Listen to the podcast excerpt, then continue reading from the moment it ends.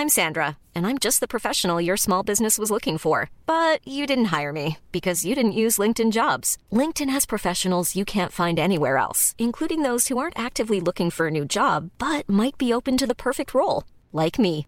In a given month, over 70% of LinkedIn users don't visit other leading job sites. So if you're not looking on LinkedIn, you'll miss out on great candidates like Sandra. Start hiring professionals like a professional. Post your free job on linkedin.com/people today. Burrow is a furniture company known for timeless design and thoughtful construction and free shipping, and that extends to their outdoor collection. Their outdoor furniture is built to withstand the elements, featuring rust-proof stainless steel hardware, weather-ready teak, and quick-dry foam cushions. For Memorial Day, get 15% off your Burrow purchase at burrow.com slash ACAST and up to 25% off outdoor. That's up to 25% off outdoor furniture at burrow.com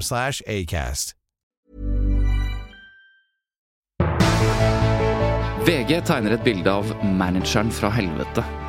Bruker de makten sin til å ødelegge en karriere, eller bruker de makten sin til å gi en stemme til mennesker som blir utnytta? Hva er pressens oppgave, egentlig?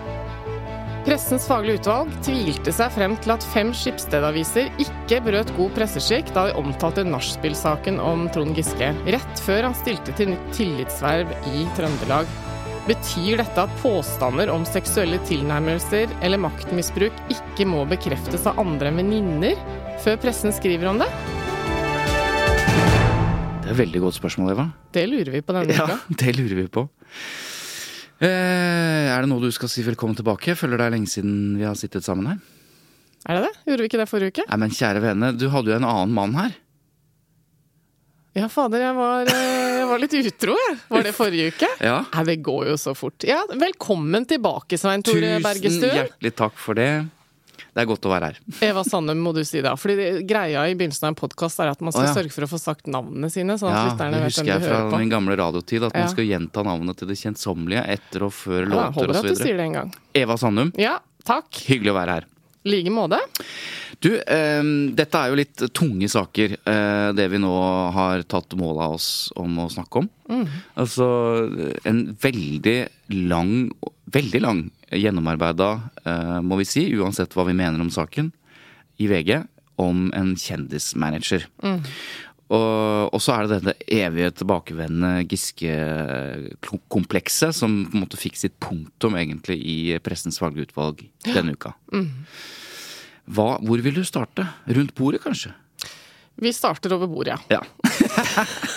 du, hva er det du har tenkt på, og som har gledet deg, eller irritert deg, eller forundret deg denne uka? her? Nei, altså, jeg har i hvert fall fått meg en god latter. Eh, fordi eh, den såkalte BA-desken, altså en fyr eh, som har verdens morsomste Instagram-konto, som morer oss på vegne av lokalpressen i Norge han På bekostning av lokalpressen? Ja, hva sa jeg på vegne? Ja, på bekostning av, ja.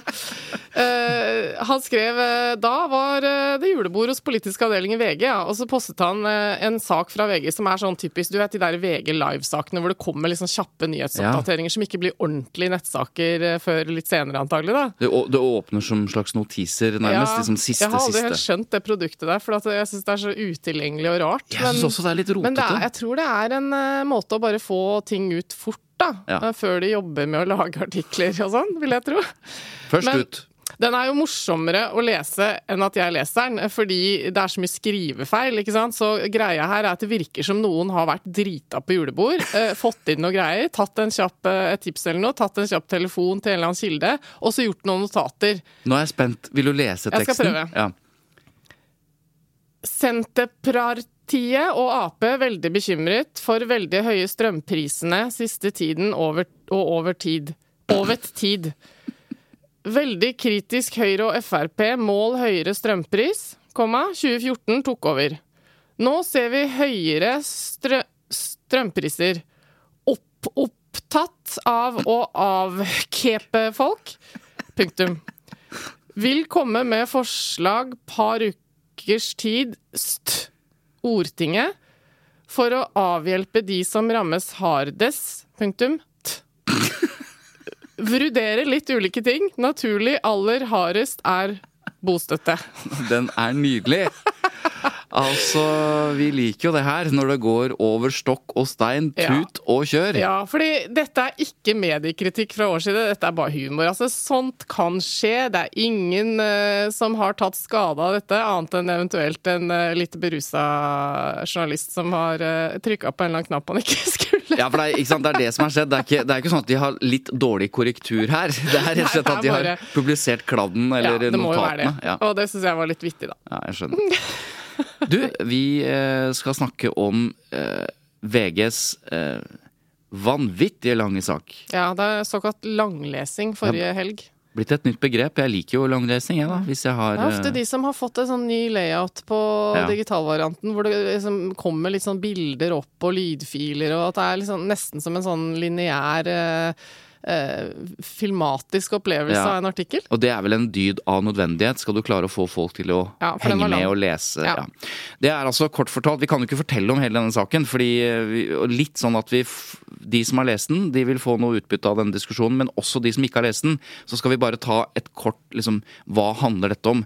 Dette er Vær så altså- Dette er altså en sak som heter Kjendismanageren, som handler om, om Erland Bakke, som i mange år har representert av norske musikere og komikere og idrettsutøvere.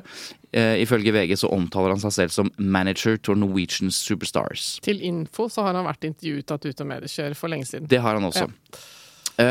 Men i hvert fall, de skriver om denne manageren, eh, som flere navngitte kilder da mener har presset dem og brukt eh, på sett og vis rettsapparatet aktivt for å true og presse med søksmål osv. Mm. Dette gjelder både eh, folk han har vært manager for, men også uh, f.eks. Mats Hansen, som han har hatt en beef med på Instagram osv. Mm. Uh, og det er, eh, det er svært rammende. Det er dette som kalles et karakterdrap.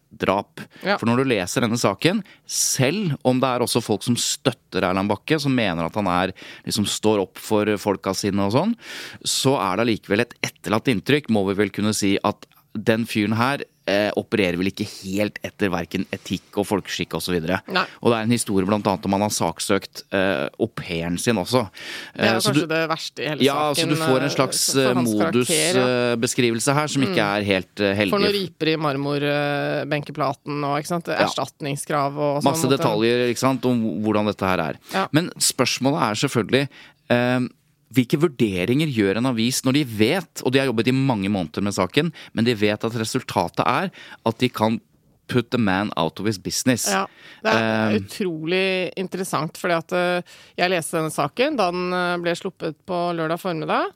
Og, og det første jeg tenker er at her er det et veldig godt håndverk fra VG. Her vil jeg tro at de har jobbet lenge og grundig. fordi at eh, det jeg la merke til, som er sånne standardting du bør i hvert fall sjekke, er at mm. hver påstand blir besvart. Eller i hvert fall så har eh, Erland Bakke fått muligheten til å, å, å svare. mm. Og han er svarer liksom skriftlig i mails form på alle Ja, påstander. så det er liksom regel nummer én. Det er Mm. ikke masse beskyldninger som står uimotsagt. Eh, Så det var veldig ryddig. Og så er det god dokumentasjon. Det er jo åpne kilder, som du sier. De er navngitte. Blant annet, altså de fokuserer i tittel og, og sånn på han Kim, en, Ja. en artist. Ja, det er en artist uh, som han har vært manager for, som, uh, som er liksom hovedcaset her, som heter Kim Wigård. Uh, som Ja, og, der- og der er det Hvis Smart alle Idol. påstandene her er riktige, og delvis er det jo eller det er dokumentert mange av de, så er det jo, det er jo rystende lesning. Men det som slår en, selvfølgelig, er jo når du hører lydopptak og, og ser utdrag av e-poster, så ja, men er det noe mer her? Ja. Kan vi se hele mailen? Og vi kan jo, det er også litt av den presentasjonsformen du nevner. Ja. Hvis du trykker, så får du se veldig mye mer enn det som på en måte eh, Ja da, Du får se hele mailer og Veldig ja. godt dokumentert. Men jeg må bare si da at uh, til tross for at jeg uh, syns at dette virket som veldig gjennomarbeida og godt håndverk, no, noe det også er, så, så kom det gjennom dagen litt spørsmål eh, opp i hodet mitt, og også fordi at jeg hørte fra en del andre som kjenner han, som kjenner han. Ja, men det er jo ikke sånn. Ikke? Så, Ja. så hører man at hm, kanskje ikke det er så enkelt, dette bildet allikevel. Da. Og det handler jo i så fall om eh, Altså, for å bruke ordet bekreftelsesfelle, da, som blir kanskje feil i den sammenhengen. Ja, eller dersom- tunnelsyn, at du går i en dersom retning. det var sånn at eh, det fins nyanserende detaljer, både i de historiene som omtales, eller i andre historier, som ikke kommer med så, bli, så står vi i en viss fare som lesere for å bli litt manipulert ikke sant? til å bare se det ene bildet, Mm. og ikke det andre, som kanskje tegner et mye mer sympatisk og profesjonelt bilde av Erlend. Ja. Eller at disse som, eh, som blir omtalt som, eh, som artister, og som han har representert, kanskje også har noe svin på skogen i disse konfliktene. Det, det, det slår meg at jeg blir litt sånn Jeg, skal, jeg skulle gjerne visst mer. Mm. Fordi eh, du sier det. Eh, jeg var imponert over at de viser oss mailer, de gir oss lydutklipp og sånn. Men det er samtidig De er jo også redigert, ikke sant, så man blir bare litt sånn usikker på om det er tatt ut ting. Ja. Jeg spurte ansvarlig redaktør Gahr Steire om det, for han Ja. skriver Mediene eh, må i alle saker gjøre et utvalg av den informasjonen som er tilgjengelig. Ikke sant? Vi kan ikke, underforstått, vi kan ikke publisere alt. Så skriver han vi publiserer det som er relevant, men unnlater ikke å ta med opplysninger som er til gunst for den som blir utsatt for kritikk. Det er ikke slik vi jobber. Og igjen må vi jo tro han på det, men, men det er klart det er i hvert fall et svar på spørsmålet ditt. At hvis du sitter og lurer på som leser om VG har utelatt ting for å på en måte forsterke inntrykket av at Erland Bakke er, er som det beskrives, så sier han til oss at det er ikke sånn vi jobber. Ja. Eh, og, det er jo, og hvis det ikke er sant, så risikerer jo Gahr Stærum mye. For da kunne jo vi eksempel, kanskje vi fikk en mail da, fra Erland Bakke eh, eller hans Eller folk. en ansatt i VG. Ja, eh, som, vi, som det er viser at de har er ute og ljuger. Ja. Ja. Så, så, så da må, tenker jeg at da jobber de ikke sånn, da. Jeg får tro på det. Ja, det kan i hvert fall ja. Og så skriver han videre Jeg mener mediene skal være transparente om sine metoder og vurderinger eh, vi gjør, for det styrker tilliten til journalistikken.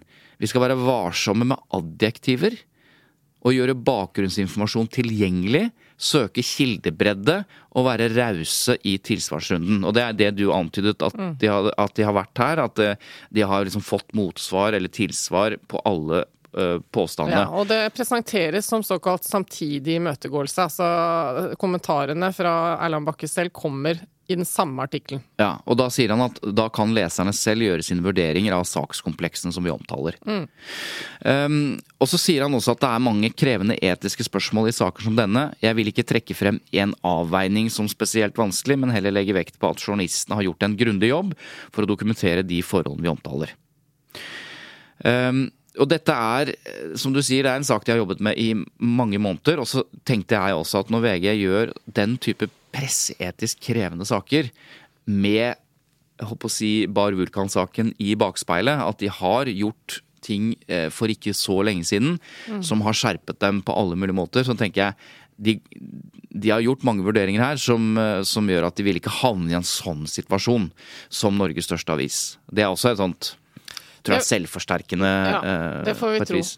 Samtidig som, eh, som det er folk som har tatt kontakt med oss og meg og sånn, ikke sant, som, som har ting å fortelle, som de mener at det, ja, det er rart at ikke det nevnes. Det er rart at ikke det sies om en av kildene. Mm. Eh, Det som står der er kanskje ikke helt sant om ham eller henne, ikke sant. Det, det er litt unyansert osv. Og, og det jeg har å si til det, er at eh, dersom vi var en graveredaksjon, så kunne jo vi tatt mål av oss nå og liksom uh, virkelig finne ut av om VG har utelatt noe, eh, om Ja. det er flere ting i den historien. Mm. Den, den jobben må en redaksjon gjøre. Den, den kan Ja. dessverre ikke vi gjøre.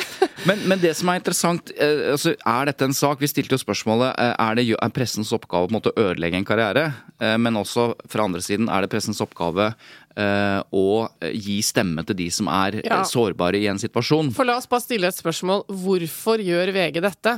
Hvorfor setter de på trykk en langlesing lørdag formiddag som hele Norges befolkning kan lese, som rammer et enkeltmenneske så hardt? Altså, Hva er motivasjonen til VG for å gjøre det? Her er svaret. Ja. VG skal ha et skarpt og kritisk søkelys på underholdningsbransjen, og det er utvilsomt et underdekket område i Norge. Mediene skriver mye om kjendiser, men få redaksjoner setter av ressurser til å drive undersøkende journalistikk som avdekker kritikkverdige forhold. I denne saken belyser VG flere konflikter som har offentlig interesse. Så skriver han til slutt Erland Bakke har hatt direkte påvirkning på en rekke personers liv og karrierer. Da er det relevant å belyse hvordan han utøver sin rolle og opptrer i konflikter. Så det er svaret på hvorfor VG gjør dette. Og så tenker jeg at det, eh, det er Altså når man har sånne saker som dette her, og, jeg, og, og nå sier jeg med fare for å få reaksjoner uten sammenligning for øvrig. Weinstein-saken i USA hadde noen fellestrekk. Det var at mange kilder kunne fortelle om en samme type oppførsel, en samme type metode um, og liksom modus operandi. I tillegg så er det Uten at det var smoking gun i alle historiene, Ja. på en måte. Men jo, men i tillegg er det en paper trail. Som det kalles, det er dokumentasjon som kan underbygge For hvis noen kjendiser sier at Erland Bakke han truer meg med søksmål og han er opptrer eh, truende og holder på, og du ikke kan dokumentere det, så er det vrient. Men her er det en såkalt paper trail. Du har både e-postdokumentasjon, du har lydopptak, og du har ikke minst noe av det viktigste her, er at du har rettsdokumenter som viser eh, hvordan han har eh, agert. Så de to tingene, at det er mange kilder som sier det samme, og at du har en del bevis for det, det eller dokumentasjon på det, det gjør jo at, eh, at saken antageligvis kommer til å stå seg sånn rent presseetisk, da, uten at vi skal ta for, altså vi må ta forbehold om det, men, men sånn som det ser ut, eh, Ja, det, det, vil jeg, det vil ikke jeg si noe om, jeg, for jeg, jeg tenker at saken er ikke ferdig ennå. Og det kan være ting her som gjør at eh, Ja. Ja, nei, det, det kan godt hende det, men samtidig så tenker jeg flere saker om Erland Bakke, og at det bare er flere kjendiser som står fram, det er ikke nødvendigvis eh, altså det er interessant, men det er ikke sikkert VG kaster seg på bare fordi det kommer flere. For det må, jeg tenker at nå har de fortalt denne saken. Mm. Det å bare forsterke det med at det er veldig mange andre som også har det, det, det tror jeg man skal være det, det tror jeg man skal være forsiktig Ja, med. nei, Fordi at eh, sett, det er jo et menneske i, eh, på den andre siden der også, Ja, som nå står i en krise. Det må vi jo kunne si. Ja, nei, nå tenker jeg mer hypotetisk sett hvis det er en av kildene som er i saken, eh, at det dukker opp eh, Ja. i en annen avis, eh, noe balanserende informasjon, den type ting, da. Mm. Men eh, nei, altså, jeg syns saken i hvert fall viser hvor mye makt eh, pressen har, og hvor mye makt en kulturredaksjon kan ha i kultursegmentet. Mm. Eh, og VG er jo selvfølgelig sant? en av Norges viktigste kulturredaksjoner. De anmelder ting. Kulturfolk er avhengig av dem for å få omtale osv. Så det er interessant bare å sitte på utsiden og, og, se på dette her, ikke sant? Og, og prøve å reflektere litt over hva det betyr at en avis kan ødelegge eh, en karriere liksom i løpet av en lørdag formiddag. Samtidig som jo, som de selv sier, eh, de kan potensielt beskytte mange fremtidige altså, kulturpersoner eh, og artister fra en, eh, en person som potensielt kan ødelegge dem. Da. Så ja, det er kjempevanskelig. Jeg syns i hvert fall vi skal avslutte med å si at det er prisverdig at det drives kritisk og undersøkende journalistikk på andre områder enn de mer tradisjonelle. Ja. Det er, eh, det er bra. Men denne uka så har også eh, det kommet et Eller Er det blitt satt et foreløpig sånn skal vi si pressemessig punktum for metoo-saker. Fordi eh, denne Giske nachspiel-saken har jo eh, vært hengende igjen etter, etter den store metoo-bølgen. Ja, for det er jo fire år siden eh, en tweet fra en amerikansk skuespillerinne satte i gang den såkalte metoo-bevegelsen, som viste seg å skulle forandre verden. Nettopp. Og det har tatt eh, Det, det har jo forandret veldig, veldig mye. Det har det. Eh, og det kan vi kjenne på hver eneste dag. Uh, en onsdag denne uka her så hadde PFU, da, Pressens faglige utvalg, uh, denne saken, denne klagen fra Trond Giske. Til behandling. Og da skal jeg bare forte meg å prøve å forklare hva Pressens faglige utvalg er, for nå er det en stund siden vi har tatt den der grunnleggende greia. Pressens faglige utvalg er jo da pressens eget selvdømmeorgan. Dvs. det vil si at eh, det sitter representanter for journalistene, redaktørene og for allmennheten i et utvalg som behandler klager. Så de sitter ikke og vurderer saker med mindre det er noen klager. som klager dem inn. Nettopp. Og når de klager dem inn, så må de peke på punkter i Vær varsom-plakaten som de mener at er brutt i publiseringen eller i arbeidet med saken. Altså også bakgrunnsarbeidet kan det være. De kan ikke bare si 'dette her var dårlige greier', kan ikke dere se på det? Nei, men eh, dersom de ikke har filla peiling på presseetikken, så finnes det et sekretariat som kan hjelpe dem på veien. Så, så det skal ikke være superkomplisert, og du trenger ikke advokater for å klage nødvendigvis. Eh, For dette er altså ikke jus, det er etikk. Det er et ganske unikt oppsett i verdenssammenheng. Den norske ordningen. De Ja. fleste andre land har eh, andre typer ordninger for å passe på pressen.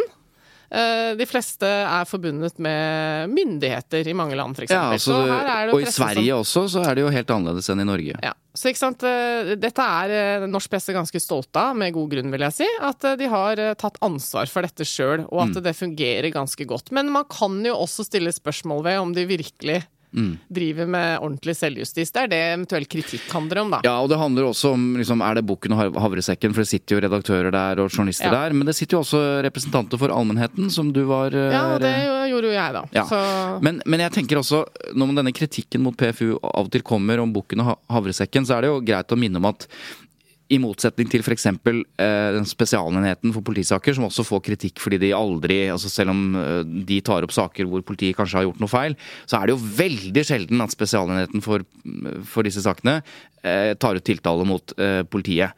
Men i PFU, bare denne uka her, så ble jo hva var det, fem eller seks eller medier felt.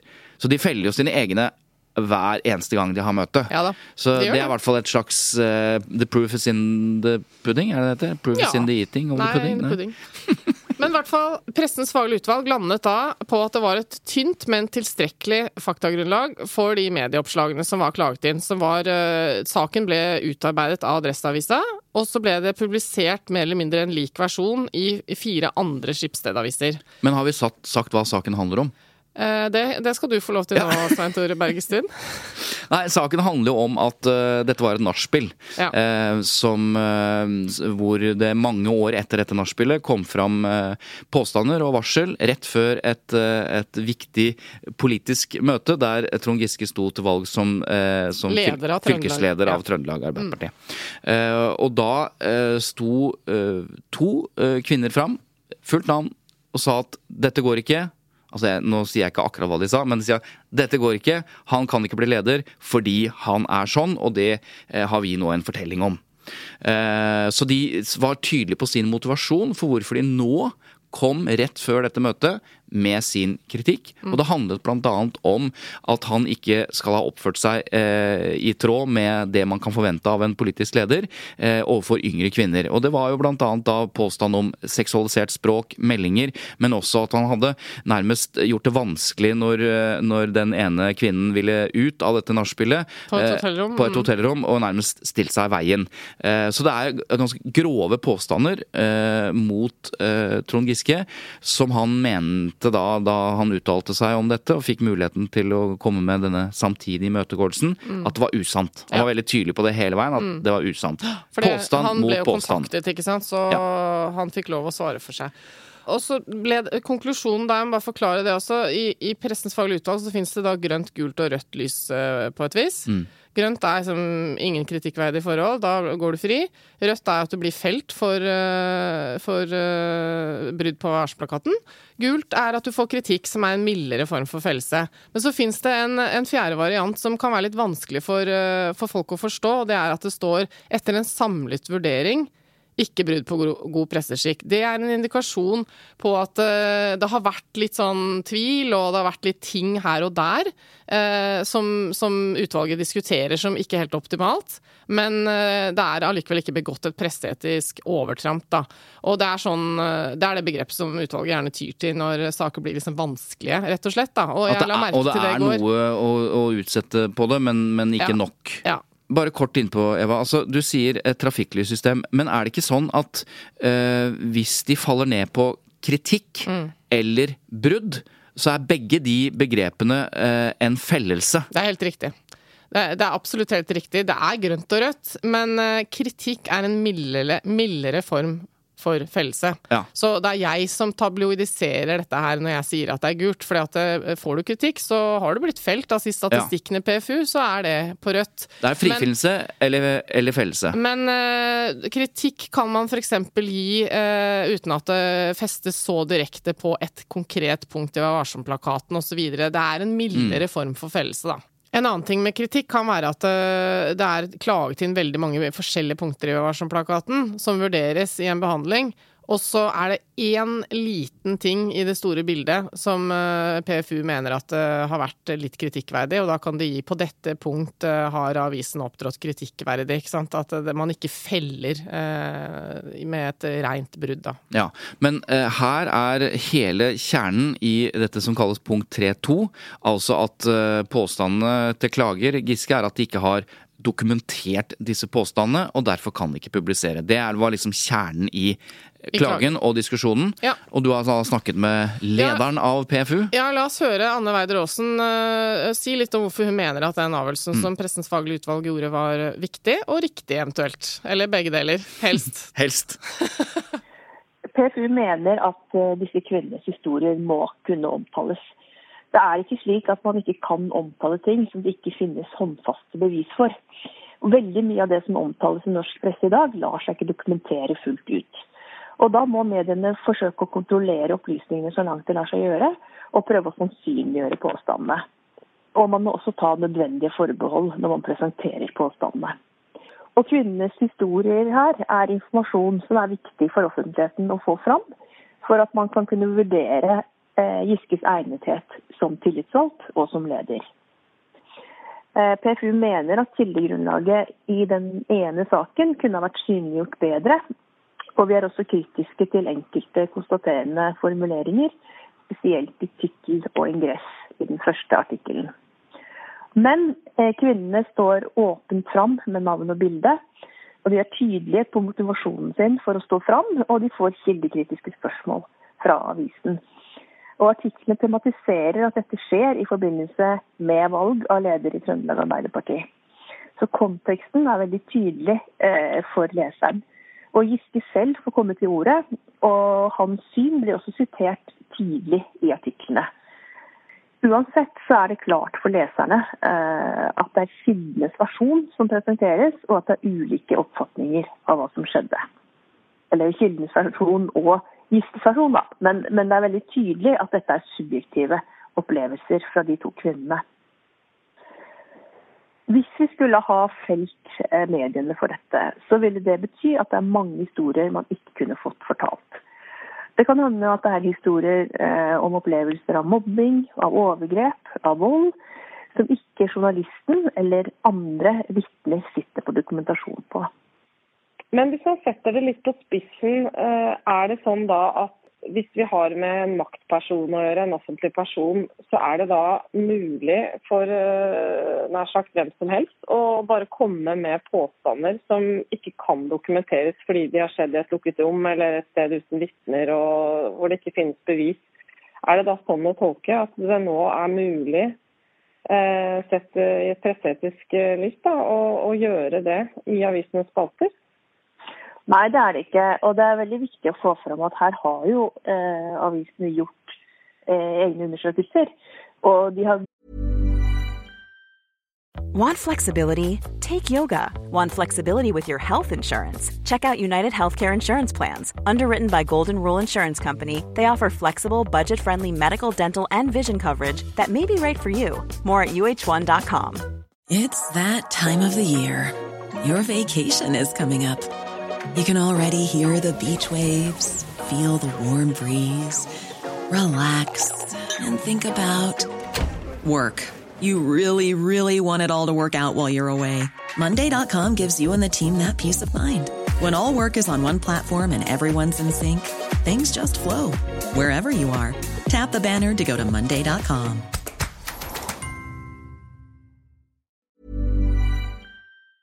gått gjennom mange kilder, og de har prøvd å sannsynliggjøre eh, det som da disse kvinnene hevder at har skjedd. Eh, og vi mener jo at de har godtgjort dette så langt det er mulig, men at vi kunne vært enda tydeligere i publiseringen på hva slags eh, eh kildegrunnlag de sitter på, og vært klarere overfor publikum med det. Men dette betyr ikke at det er noe sånn carte blanche, at man bare kan uh, spre rykter og, og, påstander ut av løse lufta uh, så lenge det handler om en maktperson. Det er ikke det dette betyr. Uh, denne saken må ses, eller alle saker må ses for seg. Men denne saken må jo også ses i lys av det som har skjedd i Trøndelag. Og at dette er motivert, eller dette skjer i konteksten av eh, en person som søker et høyt tillitsverv. Og også eh, ut fra den historikken eh, som den personen har da, på dette området. Han har jo vist at han har brutt Arbeiderpartiets retningslinjer for seksuell trakassering. Og det, han har jo også kommet med en unnskyldning, og den gjentar han jo i sitt tilsvar til avisene. Dette var altså Anne Weider Aasen, som er leder av Pressens eh, faglige utvalg, til vanlig leder av uh, samfunnsavdelingen i TV 2. Mm. Det er et par ting jeg her stusser litt på. Ja. Uh, og det ene er at ja, det er gjort mange ting for å sannsynliggjøre. Mange kilder har blitt kontaktet. altså Det er lagt ned en innsats, en kildejobb og en kildekritisk jobb. Men så slår det meg at det er jo så, så, vidt jeg har forstått, så er det jo ingen andre på dette nachspielet, selv om de har snakket med alle sammen, mm. som kan bekrefte noe av dette. Så da virker det som at ja, bare du gjør innsatsen og snakker med alle, så har du gjort en viktig jobb som gjør at du kan publisere, selv om du ikke har fått det bekreftet. For det er vel noe av ja, det... kjernespørsmålet her, at mm. ingen kan ingen av kildene, eh, på en måte de, i hvert fall eh, de de har snakket med, kan bekrefte at dette skjedde. Nei, men det er noen detaljer som vi ikke blir så kjent med som lesere, da, sånn som jeg har oppfatta det. Og det er bl.a. snakk om én anonym kilde som, som, avisen har snakket med, som er en venninne. Det noe, har vært noen tekstmeldinger, det har vært noen samtaler. Så har, så vidt jeg har skjønt det, i hvert fall snakket med et menneske som har hørt dette før, ganske rett etter uh, Det som kalles en tidsnær, uh, ja. en tidsnær dokumentasjon. Men, men, jeg er enig med deg, Svein Tore, at, at det, det, virker litt rart. For det er også en del av Pressens faglige utvalg sin uttalelse når de kritiserer litt og, og, sier at de er under tvil her, at de ikke syns håndverket er topp, mm. topp opplegg, selv om, mm. selv om mediet går fri. Da. Og det er at de burde gjort mer for å, for å liksom finne ut av dette, nærmest, sånn som jeg forstår uttalelsen. Mens det er jo ikke sikkert at det går an å gjøre noe mer, for at noen hendelser kan ikke bekreftes av noen andre enn de som var i rommet, så det vil være ord mot ord. Så det de eventuelt da må gjøre mer av, er jo å sørge for i publiseringen uh, overfor oss at det kommer veldig tydelig frem at uh, dette har vi gjort en vurdering på, og det vi tror at dette er sannsynlig, men, eh, men liksom, vi må gjøre det mulig for leserne mm. også å oppfatte det som under tvil. Da. Jeg har snakket med Trond Giske, og vi skal høre litt hva han sier etterpå. Både hvordan han reagerer på dette, også eh, det vi nå nettopp snakket om med dette tidsnære dokumentasjonen om SMS-en osv. For det kom ikke så godt fram eh, kanskje under behandlingen. Og ikke minst om de har gjort nok for å dokumentere dette. For mm. han har jo valgt å gå veldig i rette med PFU, og det er jo ikke så ofte man gjør det, men det gjør nå Trond Giske. Mm. Men det, er, det, som er interessant, er at både før og etter behandlingen så er det to skal vi si, presseveteraner som mm. har uttalt seg. Både før behandlingen og nå etter. Mm. Og det er Bernt Olufsen, som er mangeårig tidligere ansvarlig redaktør i VG. Eh, og det er Gunnar Bodal Johansen, som er en såkalt eh, presseetisk ekspert. Eh, han har vært sekretær for Pressens faglige utvalg i mange år, og underviser ved Institutt for journalistikk og, og en del sånne ting. Så jeg spurte Gunnar Bodal Johansen først hvordan han reagerte på at det ikke ble en fellelse. Nei, Det overrasker meg ikke at det ble sånn. Det har jeg sagt på forhånd at jeg trodde det ville bli sånn. For meg har det bare vært viktig å få frem eh, prinsipper som jeg syns PFU må forholde seg til. Og Jeg så jo veldig tidlig, eh, nå har ikke jeg fått hørt alt, men jeg så, så tidlig at PFUs sekretariat kom med en innstilling, og jeg tror at den ble veldig avgjørende for hele utvalget. For jeg tror utvalget på mange måter var usikker hvor de skulle lande. Og Derfor, i sånne saker, jeg har jo selv vært sekretær i mange år, så vet jeg jo at utvalgets innstilling blir veldig avgjørende. Og så, er så syns jeg vi er tilbake i et dilemma som jeg ikke fikk noe svar på. Og det er det at når man sier at vi må jo skrive, og kunne skrive om saker vi ikke kan dokumentere. Ja, kan vi det? Uh, men jeg vet jo at dette er fryktelig vanskelig. Jeg har jo vært i den situasjonen selv at man skal vurdere den type ting. Både som sekretær for utvalget, men også i andre sammenhenger. Men jeg stiller meg stadig det spørsmålet. Ja, kan vi omtale saker med sterke beskyldninger mot andre mennesker, hvor vi ikke er trygge på at vi har god nok dokumentasjon. Det er jo det som er kjernespørsmålet i denne saken. Ja, bare for å ta det første han sier. Eva, når du har sittet i mange år i PFU, så kommer det alltid en innstilling på hva man skal lande på, som er skrevet av sekretariatet. De ja, foreslår dette. Vi får sakspapirene, og så får vi den, det forslaget til uttalelse, sånn at de har gjort forarbeidet med det. Ja, og i dette tilfellet så uh, landet uh, sekretariatet på at man uh, skulle foreslå at det ikke var brudd. Altså det som også ble resultatet. Men hvor viktig og hvor førende blir det arbeidet som sekretariatet legger ned, før medlemmene i PFU skal diskutere saken? Ja, det er, eh, det er et veldig relevant spørsmål. Eh, jeg tror Altså, Det er veldig avhengig av utvalgsmedlemmene, rett og slett. Eh, hva slags kultur det er rundt bordet. Eh, hvordan er eh, stemningen for å kunne bare si rett ut at man er uenig og sånn. Så det legger en del press på utvalgsmedlemmene med tanke på at man må forberede seg godt. Og det jeg alltid pleide å gjøre, var å legge vekk det forslaget til uttalelse, aldri lese det først, og så lese sakskomplekset, gjøre meg opp min, min egen mening og så se hva de hadde lagt på. Sånn det hørtes klokt ut. Sånn er, ja, og det vil jeg tro at de fleste gjør, men det er klart at det er veldig mye sakspapirer. Noen ganger har du dårlig tid, og da kan det hende det er litt fristende å bare begynne med å lese og se virker dette fornuftig mm, mm. Mm, på enkle, enkle, saker, og så bare gå for det på et vis. Da. Det er jo en fare for det, men det skal man jo da ikke gjøre, selvfølgelig. Men, men ja, jeg vil si at det, hvis du da er under tvil, sånn som alle i utvalget var. Altså alle har sagt om denne saken at den var vanskelig. Det er ingen mm. som sier at dette er åpenbart, ikke sant.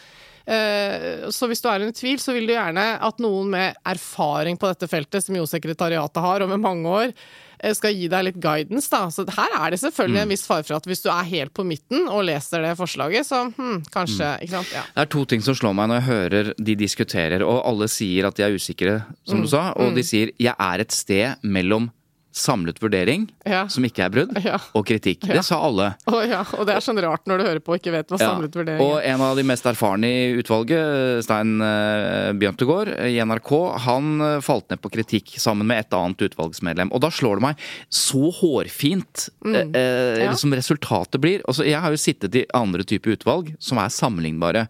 Juryer. Og det har du òg. Mm.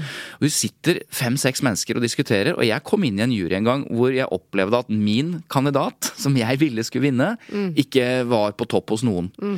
Men så har jo jeg eh, av og til noen argumenter da, som, eh, som kan virke overbevisende, ikke sant? Og vi diskuterte og vi diskuterte.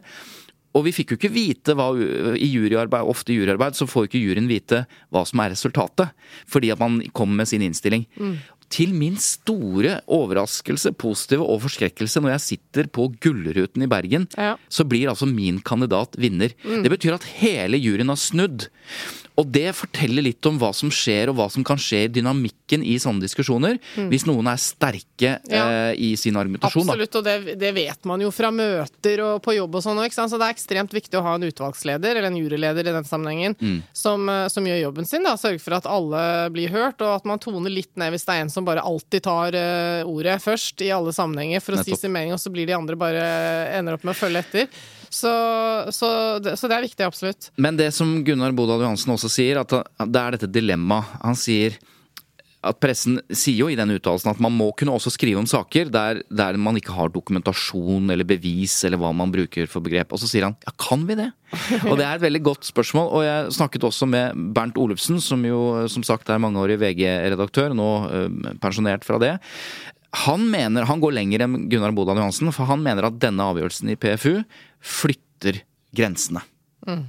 Jo, for at uh, her uh, opererer uh, PFU med en slags glidende skala.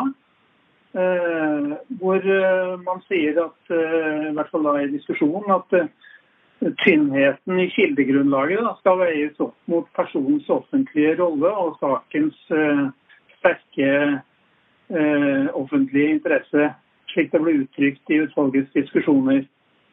Eh, og da, Når man opererer med en glidende presseetisk skala i et spørsmål som handler om, om kontroll av, av opplysninger og kildekritikk, så så er det nærliggende å mene at eh, PFU her er i ferd med å flytte grenser.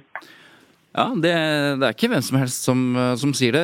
Altså, Bernt Olufsen har også vært jeg vet ikke om han er det nå, men han har i hvert fall vært i mange år eh, leder av Scoop-juryen også, som gir den, mm. den største prisen til for, for det beste metodiske arbeidet i, ja. i pressen.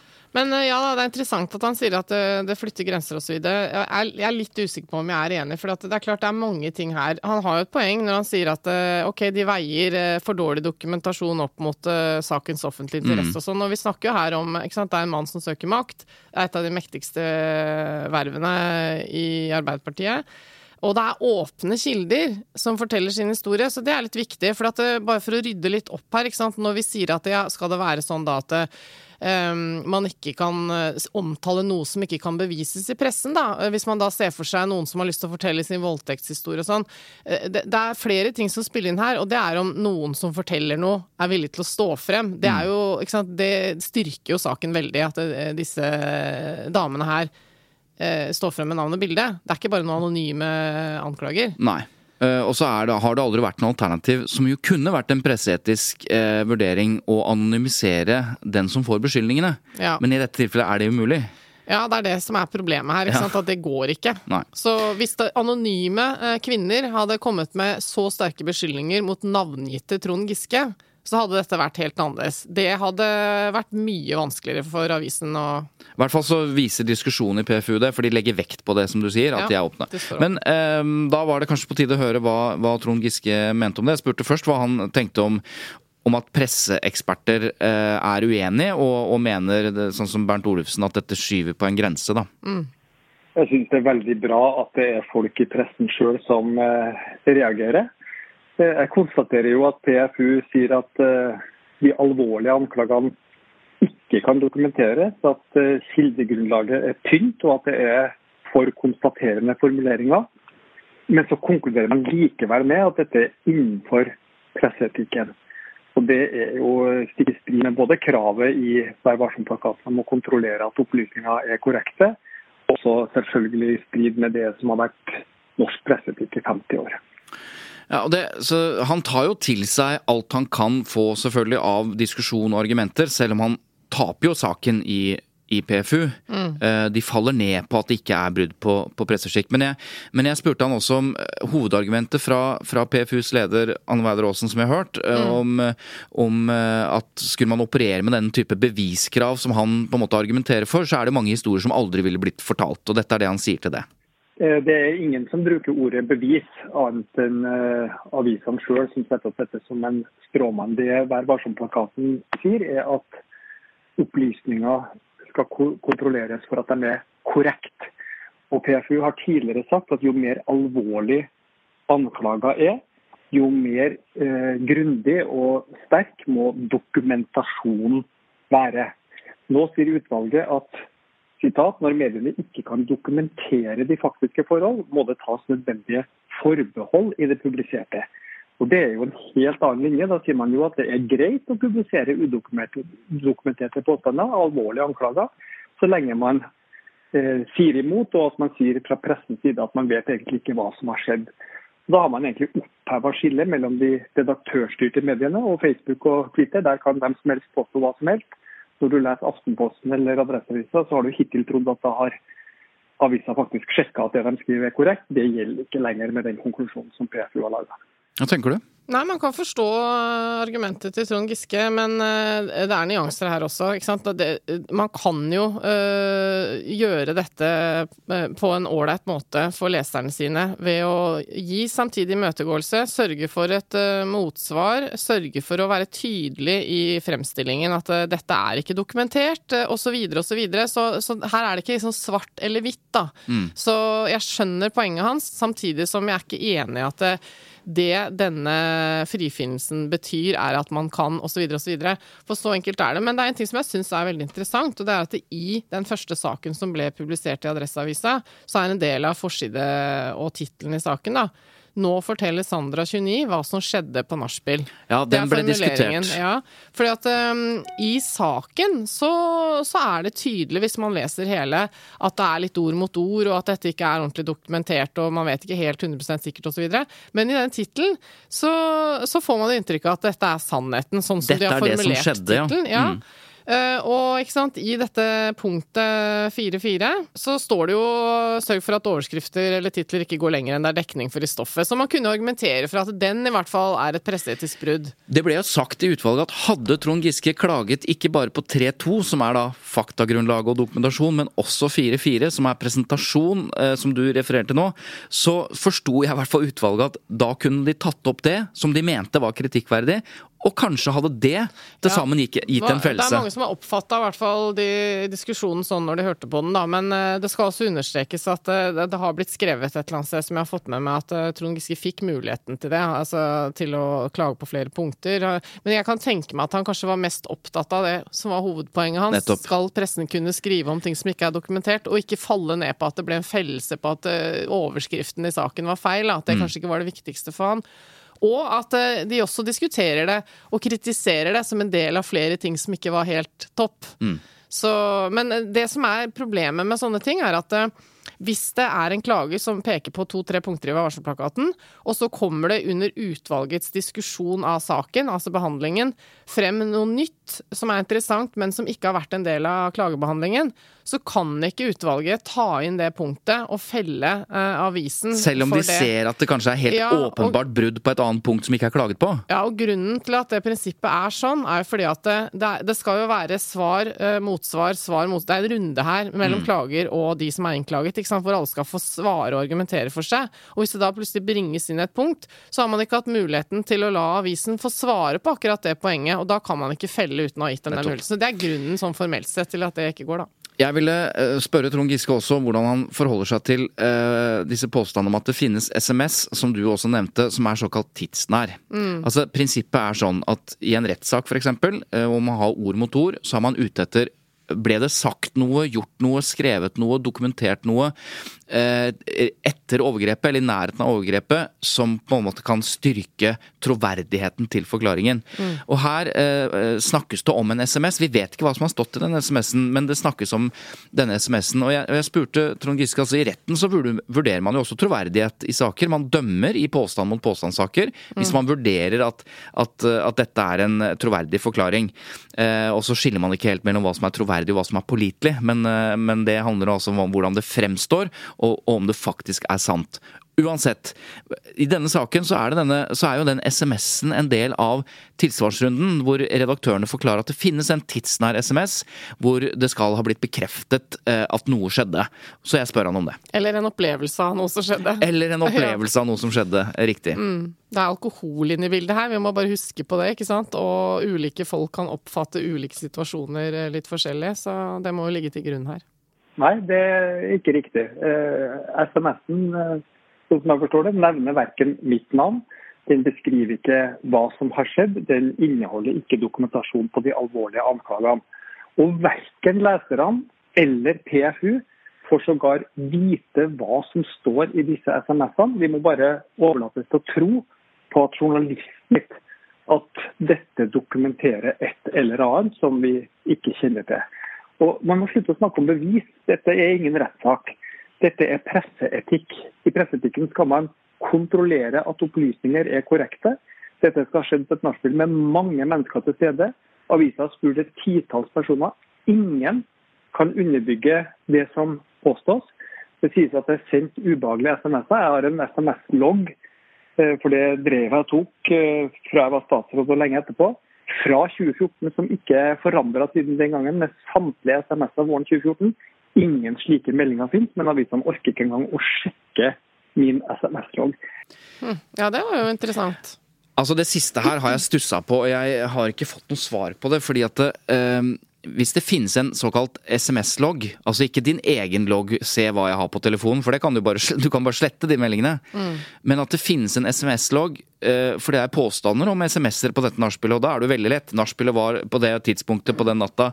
Eh, han sendte slibrige meldinger, hvis det er påstanden. Og hvis det finnes en Telenor-utskrift om det er sendt meldinger i det hele tatt, så burde jo det vært interessant for journalistene. Men ifølge, dette har ikke vi bekreftet, men ifølge det Trond Giske sier her, og han har sagt det før, så var ikke journalistene interessert i den loggen. Og begrunnelsen skulle være at det kunne man jo på en måte manipulere den loggen eller slette meldinger, okay, og da har de kanskje ikke Ja, Hvis det er tilfellet, så er Ja. det feil. Men uh, det kan jo også være at saken uh, sånn hviler på noe helt annet enn en SMS-dialog mellom Trond Giske og, og disse kvinnene. da. Men du, vi må, vi må snart unna dette. Jeg har bare lyst til å spørre deg, altså, hva er ditt minne av hele metoo-greiene i Norge, egentlig? Hvordan var det dette Jo, det har jeg ganske distinkt minne om. Um, jeg var på fest, Og så, oh, oh, oh. Nei, jeg, jeg hørte det, det kom litt feil ut. Nei, jeg var på fest, og så uh, kikket jeg på Twitter og så disse meldingene fra Alexander eh, Skau, altså den fotballreporteren som jo da bestemte seg for å bare fortelle alt han visste. Fordi dette gadd han ikke å sitte og se på lenger. Så han valgte å sende mange meldinger. Bare skikkelig Twitter eh, Ja, det var sånn én av elleve. en sånn av lang elleve eller avhandling, 15 eller hva det er. Hvor han da uh, forteller om en ukultur, og om ikke bare ukultur, men om helt konkrete I TV 2. Ja. Og flere steder, tror jeg det var? Eller Ja, var det? men ja. det var eh, åpenbart at dette var eh, i TV 2. Eh, og det var starten, på sett og vis, eh, både for en lang vinter for, eh, for TV 2 som måtte håndtere dette, eh, og også for det norske måte, Du fikk eksempler og konkrete bevis, eller konkrete i hvert fall påstander om dette. Så det husker jeg, og da skjønte jeg at eh, her, her er det jobb. Her er det håndtering, her må vi gjøre noe. Og hvis dette er riktig, så er det veldig, veldig eh, dumt. Ja. Så TV 2 ble nok den bedriften, eh, pressebedriften, hvor, hvor, eh, ja, hvor det ble mest fokus, da. Selv om vi visste at mange ting hadde skjedd i, i mange medier.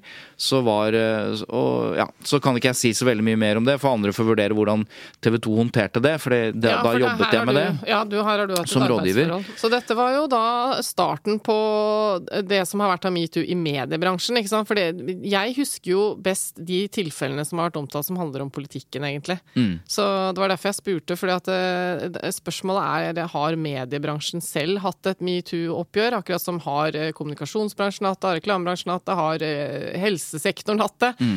Det er jo fortsatt ikke helt gjennomarbeida, kanskje, dette Nei, dette altså For å si det her. sånn, eh, min erfaring eh, gjennom eh, ja, de årene jeg var journalist, helt fra jeg var 20, ikke sant, på begynnelsen av eh, 90-tallet til liksom helt fram til i dag, så har jeg, jeg sett ting, observert ting, hørt ting som jeg tenker som jeg tenkte da når metoo sprakk. Nå er det mange som bør være ja. sitte rolig i båten og være jævlig eh, liksom, forsiktig med hva de både sier og hvordan de uttaler seg, for her er det mange som ikke har eh, ja, hva skal vi si, som ikke har noe å være stolt av, da. Ja. Så kan man selvfølgelig rette det mot meg og si at eh, hvorfor har du ikke sagt noe, hvorfor har du ikke, hva skal jeg si, meldt fra om noe, og det tror jeg alle har tenkt, som har vært en del av en, en kultur uh, hvor dette ikke var uh, liksom så oppe og framme, og ikke minst uh, en del av et, eh, ja, et seksualisert språk, og du vet, sånn sjargong og alt det der. Den bevisstheten som, eh, som slo inn når metoo kom, den tror jeg var nyttig for, for meg og for veldig, veldig mange andre. Men jeg eh, gikk jo den runden. Burde jeg ha sagt fra om noe som jeg så? Og jeg, ja, men jeg falt se- se- selvfølgelig ned på at nei, jeg har gjort alt riktig, men eh, det er ikke sikkert. Nei, og poenget her er vel at eh, det er mer jobb for pressen her. Det er flere bransjer som potensielt kan ha sine svin på skogen. Da. Og det er jo interessant fordi at det metoo har bidratt til, er at det er kanskje kortere vei for varslerne til å fortelle eh, om ting de reagerer på, fordi det nå har blitt en kultur for å si ifra, da. Det kan man jo gi eh, metoo-bevegelsen eh, litt æren for. Da tror jeg vi skal si eh, takk for i dag, Svein Tore, fordi eh, vi må videre, faktisk. I hverdagen. Ja, vi må videre i hverdagen. Eh, Send inn spørsmål til tut at lyderproduksjoner.no. Ja. Og- Eller på Facebook-siden Tut og Medkjør. Og så må jeg bare nå minne om at eh, vi setter veldig pris på hvis dere deler eh, ord om eh, vår podkast, sånn at flere får høre om eh, det vi driver med. Det hadde vært hyggelig. Ja, kjempehyggelig. Ja. Ha det da til neste gang. Takk til deg, Svein Tore Bergstuen. Takk til deg, Eva Sandum. Takk til Lyder Produksjoner, som produserer denne podkasten. Takk til klipper Simon og til researcher Atle. Ja. Ha det. Ha det godt. Da har vi fått et tilsvar fra Ingrid Resell Krogstad, som er eh, den kvinnen som sto for det andre varselet, altså som handlet om dette på eh, nachspielet. Eh, og vi har bedt henne kommentere PFUs beslutning, og om hun har noe annet å legge til, siden vi har da diskutert denne saken i Tut og Mediekjør i dag. Og hun skriver jeg er glad for PFU sin konklusjon for min egen del. Forhåpentligvis roer det seg litt rundt saken nå. Men jeg er også glad eh, fordi den viser at det er, og fortsatt skal være, mulig å publisere saker av denne karakter. Slike saker, enten det er snakk om metoo, mobbing, vold, andre overgrep, må ha en mulighet til å komme fram i lyset. Vi kan ikke bevege oss i en retning der journalisten må ha vært til stede med båndopptaker for å kunne skrive om det.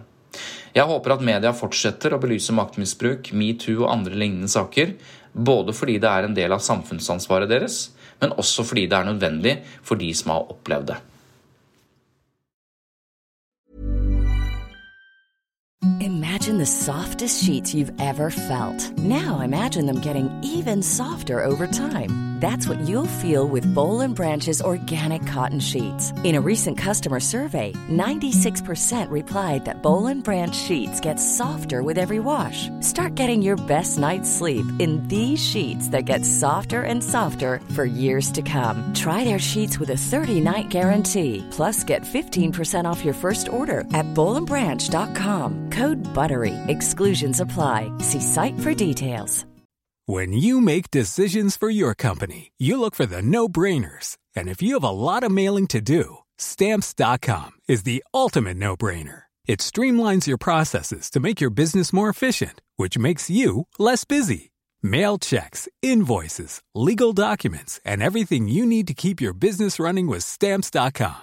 Seamlessly connect with every major marketplace and shopping cart. Schedule package pickups and see your cheapest and fastest shipping options from different carriers. With rates up to 89% off USPS and UPS rates. And with the Stamps.com mobile app, you can take care of mailing and shipping wherever you are. Make the same no brainer decision as over 1 million other businesses with Stamps.com. Sign up with Code PROGRAM for a four week trial, plus free postage and a free digital scale. No long term commitments or contracts. That's stamps.com. Code program.